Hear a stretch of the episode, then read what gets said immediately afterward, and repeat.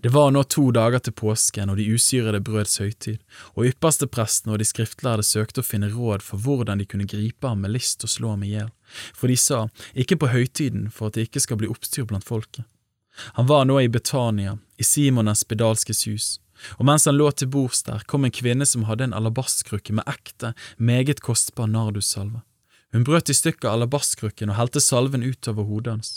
Men noen ble harme og sa seg imellom, hva skal det tjene til å sløse bort salven slik? Denne salven kunne jo ha vært solgt for mer enn 300 denarer og gitt til de fattige, og de kjente på henne. Men Jesus sa, la henne være, hvorfor plager dere henne, hun har gjort en god gjerning mot meg. De fattige har dere alltid hos dere, og når dere vil kan dere gjøre vel mot dem, men meg har dere ikke alltid. Hun gjorde det hun kunne, hun har på forhånd salvet mitt legeme til gravferden. Sannelig sier jeg dere, hvor som helst i hele verden evangeliet blir forkynt, skal også det hun gjorde fortelles til minne om henne. Og Judas Iskariot, en av de tolv, gikk til yppersteprestene for å få råd ham til det.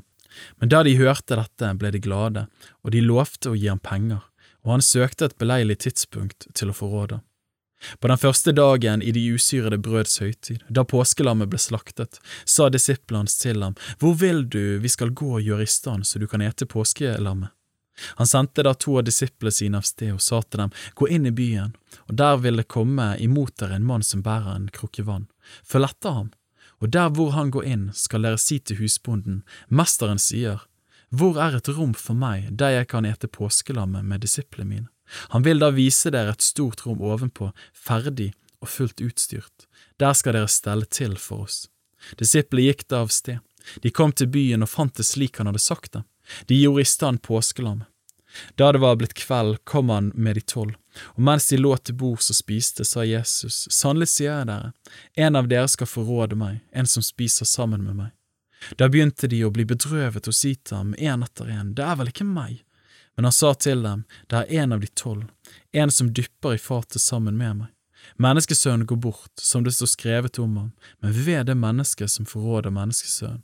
Det hadde vært godt for det mennesket om han aldri var født. Mens de holdt måltid, tok Jesus et brød, ba velsignelsesbønnen og brøt det, ga dem og sa, ta det, dette er mitt legeme. Og han tok et beger, takket og ga dem, og de drakk alle av det. Og han sa til dem, dette er mitt blod, paktens blod som blir utgitt for mange.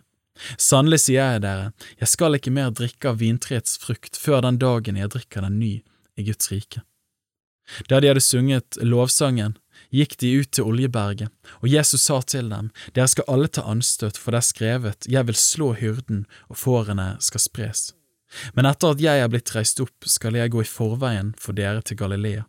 Men Peter sa til han, Om så alle tar anstøt, vil ikke jeg gjøre det. Jesus sa da til ham, sannelig sier jeg deg, i dag, i denne natt, før han galer to ganger, skal du fornekte meg tre ganger. Men Peter tok enda sterkere i og sa, om jeg så må dø med deg, skal jeg så visst ikke fornekte deg. Det samme sa de alle.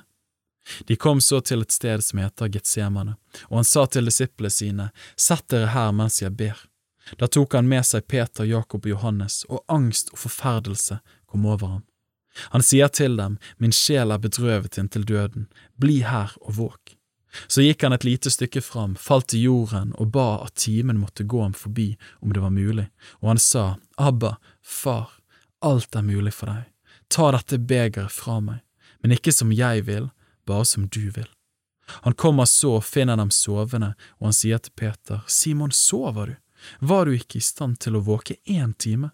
Våk og be, for at dere ikke skal komme i fristelse. Ånden er villig, men skjødet er skrøpelig. Så gikk han igjen bort og ba, og sa de samme ordene. Og han kom tilbake og fant dem igjen sovende, for øynene deres var tunge av søvn. Og de visste ikke hva de skulle svare ham. Tredje gang kommer han så til dem og sier, Sover dere ennå og hviler? Det er nok, timen er kommet. Se, menneskesønnen overgis i synderes hender. Stå opp, la oss gå, se, han som forråder meg, er nær. Og straks, mens han ennå talte, kom Judas, en av de tolv, og med ham en flokk væpnet med sverd og stokker. De kom fra yppersteprestene og de skriftlærde og de eldste. Han som forrådte ham, hadde gitt dem et tegn og sagt, Den som jeg kysser, han er det. Grip ham og før ham bort med sikker vakt. Da han kom, gikk han straks bort til ham og sa, Rabbi, og kysset ham flere ganger. Så la de hånd på ham og grep ham. Men en av dem som sto der, dro sverdet. Han slo til yppersteprestens tjener og hogg øret av ham. Da tok Jesus til orde og sa til dem, Dere har rykket ut som mot en røver med sverd og stokker for å gripe meg. Dag etter dag var jeg hos dere og lærte i tempelet, og dere grep meg ikke. Men dette har skjedd for at skriftene skulle bli oppfylt. Og alle forlot ham og flyktet. En ung mann som fulgte ham, hadde kastet et linklede over nakne kroppen.